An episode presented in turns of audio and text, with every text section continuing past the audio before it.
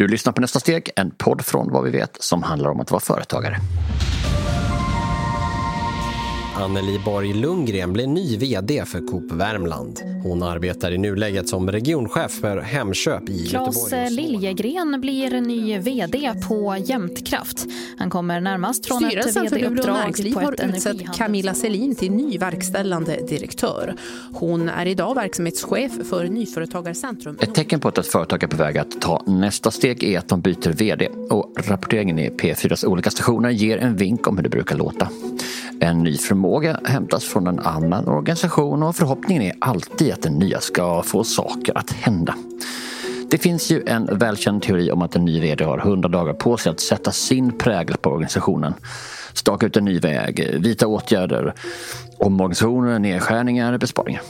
Men att hämta VD utifrån är faktiskt inte normen även om det kan låta så. I många fall så sker ju rekryteringen inifrån och styrelsen utser ofta någon som de vet har förmågan och som redan visat sig redo att axla ett stort ansvar.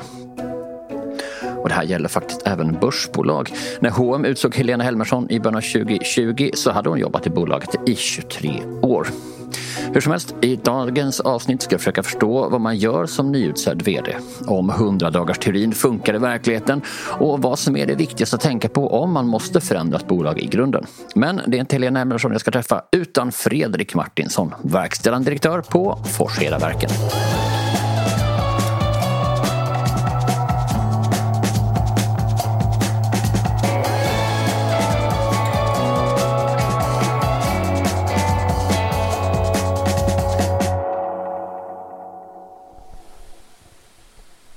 Det som hörs som ett brus i bakgrunden är Storån. Den börjar från Stora Mosse nationalpark i norr och rinner ut i Bolmen. Och är du en sån som gillar att paddla i Storån också en kanotled på 44 kilometer som flyter genom en omväxlande natur med skog, ängar och gamla hag och våtmarker mitt i Småland. På ett ställe måste man dock bära kanoterna och det är här vid Kvarnagården i Forsheda. Som du hör på namnet så var ån sannolikt lite snabbare här en gång i tiden. Men redan i slutet av 1600-talet byggdes den första kvarnar på platsen för att utnyttja åns fallhöjd här. Numera är den här kvarnen här borta ett industriminne. Men kraften i ån tas tillvara och genererar el till Forshedaverken som legat på andra sidan ån sedan början av 1900-talet. 1917 startade man på denna platsen. Man sökte sig hit tack vare vattenkraften i Storån. Då kunde man driva maskinerna mekaniskt tack vare vattenkraften i början. Eh, det var ju under första världskriget och brist på fotogen som gjorde att man hamnade här. Ja, för innan dess använde man alltså fotogen som bränsle i maskinerna, typ. Den som pratar är Fredrik Martinsson, VD på Forshedaverken som ligger någon mil väster om Värnamo. Precis som Helena Helmersson på H&M gick han den långa vägen till VD-posten. Han började 1995 och blev VD 2010 och jag har bett honom summera de senaste 100 åren i bolagets historia lite kvickt. Hela tiden har vi hållit på med tråd. Vi har bockat tråd. Det var hakar och hyske i början och sen har det blivit andra saker i tråd som ofta överför krafter eller håller saker på plats. Ganska ovanligt med prylar som, som du har sett. Vi har några stycken saker som syns men det mesta finns inuti en bil eller ingjutet i betong eller håller krafter. Och världens roligaste slogan. Ja, bockad tråd, det enda raka. Var kommer det ifrån? Det kommer från en, en tidigare ägare och VD. Det var Lennart, eh, tror jag, som kom på den. Han är väldigt humoristisk. Han har många uttalanden med humor och vi gillar den. En av de tidigare ägarna var ett geni, ett mekaniskt geni. Man kan faktiskt tala om geni i det här fallet. Han konstruerade otroligt fiffiga maskiner som kunde automatisera tillverkning av allehanda trådprodukter. Och några av de maskiner han gjorde används fortfarande här ute på golvet. Och vad gör den äldsta maskinen? Vad, vad spottar den? Ni trycker in tråd och ni får ut vad då? Kedja, halskedja. Sam- Den kedjan som heter ID-brickan, dödsbrickan som folk kallar den. Ja. Det är väl den äldsta vi har i drift. Den är från 40 eller 41 den maskinen. Tuggar och går. Ja, det är inte samma behov längre för alla nyfödda får den inte sedan 12 år tillbaka i tiden utan det är bara till utlandstjänst och, och sådana grejer. Men däremot används den också till Eh, stoppmöbler. Den håller ner knappen i en stoppmöbel till exempel. Lite senare på dagen så får jag faktiskt se den i aktion. Man matar in tråd i en ände och så ser man hur maskinen viker och böjer och bockar tråden i lite olika riktningar tills det blir en länk som fogas samman med föregående länk och så växer kedjan ut. Allt helt mekaniskt och hydrauliskt och fullkomligt fascinerande. Att vara VD för ett 100 år gammalt bolag, familjeföretag dessutom, är ju också att vara länk i en kedja. Men som bekant är en kedja aldrig starkare än sin tunnaste länk och när Fredrik tog över 2010 då var bolaget i ganska dåligt skick. Vi hade haft ett antal VD efter varandra med målsättning att växa. Väldigt hård målsättning att växa. Och eh, några säljare som hade fått in nya affärer men till helt fel priser. Vi kunde inte kalkylera. Vi tog in fel jobb. Vi var inte kräsna med jobben. Vi tog allt. Mm. Det var tråd, det kör vi. Och det här var rör, det är ju nästan som tråd, det tar vi. Mm. Eh, fattades teknisk kunskap. Eh, idéerna var nog goda men tekniska kunskapen fanns inte riktigt. Eh, hade tömt bolaget på likviditet på grund av att vi hade räknat fel. Fick köra rätt stora volymer men tjänade inga pengar. Mm. Hade pågått ett tag, och när jag kom in så, så har vi ju i stort sett ingen kassa alls. Jag får ju börja med att ringa till våra stora, stora leverantörer och be om anstånd med tid. Ja, det här var ju förstås ganska stressigt, men man hör inte riktigt det i Fredriks röst. Dels är han ju en ganska lugn och ödmjuk typ och dels är det ett decennium sen. Det är också det här lugnet som jag inte tycker är lite svårt att intervjua honom. Han får ju allt att låta som han haft tur eller som många saker bara råkade samverka eller sådär. Så jag har ägnat lite tid åt att på förhand försöka få honom att isolera en grej som gjort mest skillnad av det där han gjorde i början. Kanske till och med under de första hundra dagarna. Den stora förändringen, jag grunnat på det lite sen du kontaktade mig på början, det var att vi verkligen förstod våra kalkyler. Och där knyter jag an till ett gammalt avsnitt att ha rätt människor runt sig som kan stötta dig med det du inte kan själv. Vårt kalkylsystem var helt galet och idag kan jag titta på det och kan visa det. Vi skulle skratta åt det båda två. Eh, vi tog hjälp av en expert och fick betala rätt mycket för det fast vi inte tyckte vi hade råd för det. Mm. Men det var värt varenda krona. Och den kunskapen har varit ja, absolut nödvändig för vårt bolag att gå från att med nöd och näppe få svarta siffror till att nu tjäna vettiga pengar och ha råd att investera. Men att ta klivet och bli VD var inte alldeles självklart. När han fick frågan var det inte första gången, men han hade tidigare tackat nej. Dels hade Fredrik känt att han inte var mogen.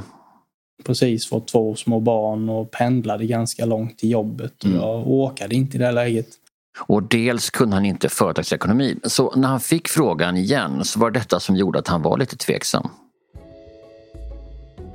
Jag visste inte vad likviditet var. Jag visste inte vad balans och resultaträkning var. Mm. Och detta sa jag till styrelsen att de här grejerna kan inte jag. Oroa dig inte för det, det ska vi stötta med. Och liksom, det, det blev rätt, för jag begrep det viktiga här. Och det var det praktiska. Det är ju en sak att ha teorier om hur man leder ett företag, men det är det praktiska som är avgörande. Och där såg Fredrik att han faktiskt hade en fördel. Jag kände nog innerst inne att jag var lämpad. Mm. Och det hade jag nog känt ett tag. Och för min del var det rätt bra att se att de andra som var väldigt kompetenta på pappret, som hade väldigt fina meriter och kom hit med, med, med stora mål. Inte alla, men någon av de här mm. vdarna jag sett innan var ju inte duglig till det vi höll på med. Det var inte det som behövdes för att driva ett, ett mekaniskt bolag som tillverkar saker i tråd. Här behövs ju sunt förnuft, tekniska kunskaper. Så vad gjorde han då? Ja, som du kanske förstått för här laget så gjorde Fredrik inga stora powerpoints, inget värdegrundsarbete och ingen plan för de första hundra dagarna. Nej, ingenting sånt. Jag hade med mig 10-20 saker som jag tyckte var så illa skött innan som jag visste att jag skulle bara kunna få ordning på första veckan. Strukturer, eh, protokoll, eh, man talar om vem som ska göra vad och när det ska vara färdigt en hel del grejer jag hade tidigare haft i drift som, som var rätt lätt för mig att få igång. Mm. Saker jag är duktig på. Eh, produktionen kunde jag innan. Eh, jag fick ju hjälp, vi var tvungna att ha ordning på kalkylsystemet mm. och där fick jag hjälp av styrelsen eh, av en, en som hade varit med i bolaget väldigt länge. Så du behöver inte presentera en plan och det här ska vi göra si och så? Utan... Nej, det var inga sådana krav på mig alls. Man ville ha mitt sunda förnuft och min relation till personalen och individerna. Just det. Det var nog det man litade på. Så jag hade ju aldrig kunnat förmodligen söka det här jobbet från sidan och komma och säga de här grejerna utan då hade jag behövt komma med något mycket mer strukturerat. Men däremot så här i efterhand så inser jag att jag är extremt lämpad för rollen. Mm. Men jag kanske inte är extremt lämpad för rollen i ett bolag som är mycket större. För jag trivs med att hälsa på varje människa varje dag och fråga hur de mår och om de inte mår bra och prata med dem om det. Alltså, jag tycker det är trevligt att känna varje individ som jobbar här. Så jag kanske inte är den rätta vdn till att växa så stort så att det ska sitta en massa mellanchefer och då är jag kanske inte rätt person. Så hösten 2010 har Fredrik tagit över ett bolag där det är långt ifrån säkert att de ska överleva. Kassan är tömd, kalkylerna är knasiga och dessutom är det mitt i en lågkonjunktur. Så vad gjorde han där då i början? Kanske de första dagarna, kanske de första hundra dagarna, det första halvåret, de första åren. Hur fick han egentligen Forsvedaverken på fötter igen? Svaret kommer efter det här.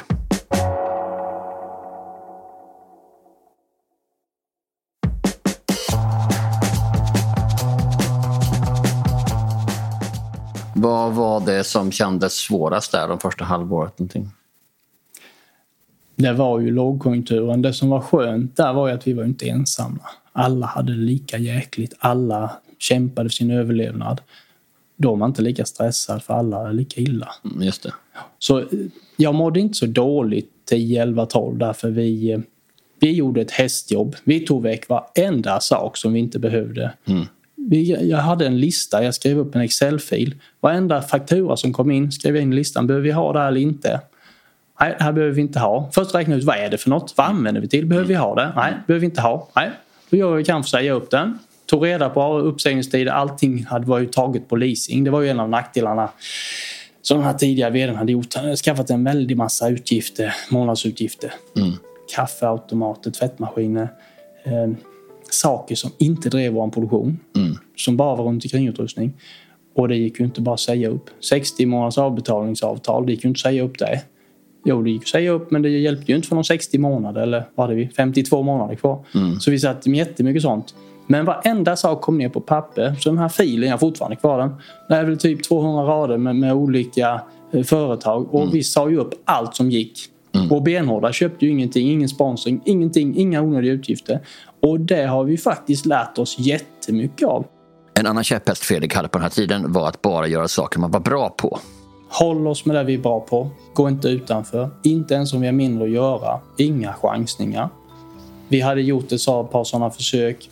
Inte tjänat Säg på tio sådana där snedsteg så tjänar vi på ett eller två. Mm. Slutsatsen var ju att vi är jättebra på det här.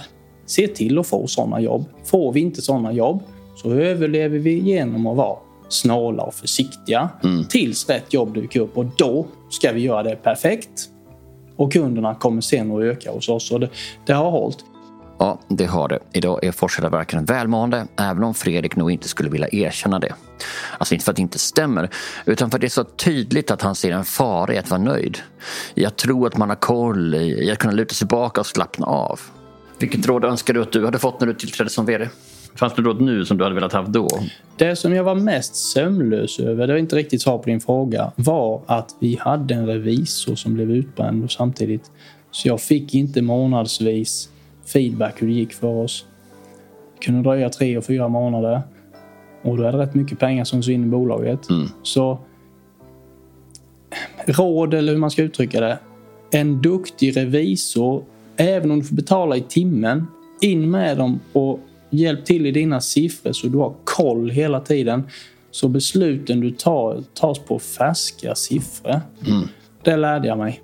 Men eh, det var inte riktigt svar på din fråga. Ekonomiskt stöd, det var det vi behövde. Mm. För att jag skulle dels förstå och ta besluten på rätt siffror. Inte på det som var för ett halvår sedan utan det som är idag. Fredrik Martinsson har varit VD i mer än tio år nu och företaget det går bra. Så jag ber honom blicka framåt. Ja, de har ju tydliga omsättningsmål för framtiden och det finns planer berättar han. Men det viktigaste av allt är att inte tappa fokus på att tjäna pengar. Tillväxt är inte viktigt. Lönsamhet är viktigt. Mm. Och, och det är farligt att säga så för du får inte lönsamhet om du inte har tillväxt. Det är viktigt att det kommer nya saker, att du mm. gör mer saker hela tiden. Men jag tror det är farligt att snöa in på det i en framtid där vi måste spara på miljön. Och det största och bästa sättet att spara på miljön är att använda den grejen du har lite längre. Mm. Alltså lite mindre konsumtion överallt i hela samhället. Mm. Det är den största miljömässiga vinsten på kort sikt. Och den vill ingen prata riktigt om. Men den måste jag... Jag vill ta höjd för den i framtiden. Det gör ingenting om inte vi ökar i omsättning.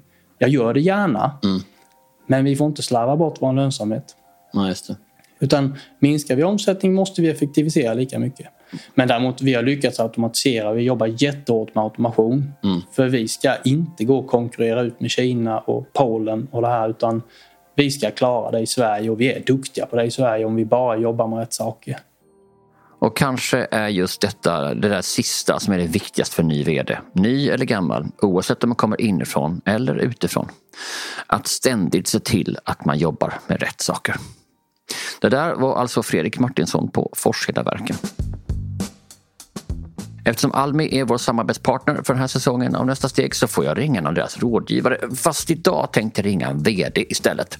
Anna Benderius närmare bestämt. Hon tillträdde som VD för Almi i Jönköping våren 2020. Och hon kom förresten också inifrån.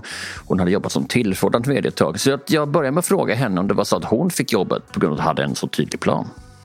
Det var en lite, vi, är, eh, vi är ju inte ett riktigt vanligt företag som ägarbilden ser ut som den gör på Almi. Så det är många intressenter som eh, ska tycka mm. innan en vd tillsätts. Därför så hade jag en ganska öppen dialog med, med styrelseordföranden då, som sedermera blev min chef och kunde vara ganska transparent med vad jag ville och tyckte.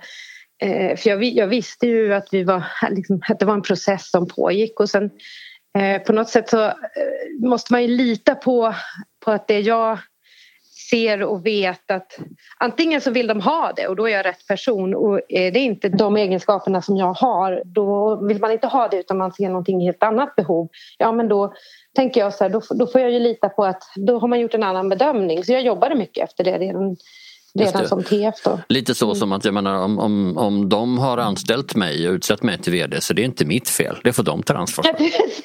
ja, då får man liksom lita i det och bottna lite i det. Att, ja, men andra tror på mig så att eh, jag kan inte springa runt och ifrågasätta mig själv. Alltså, visst, alla har ju en jante på, på ena axeln men eh, putta bort den så långt man kan och verkligen lita på sin egen förmåga. Mm. Det är viktigt.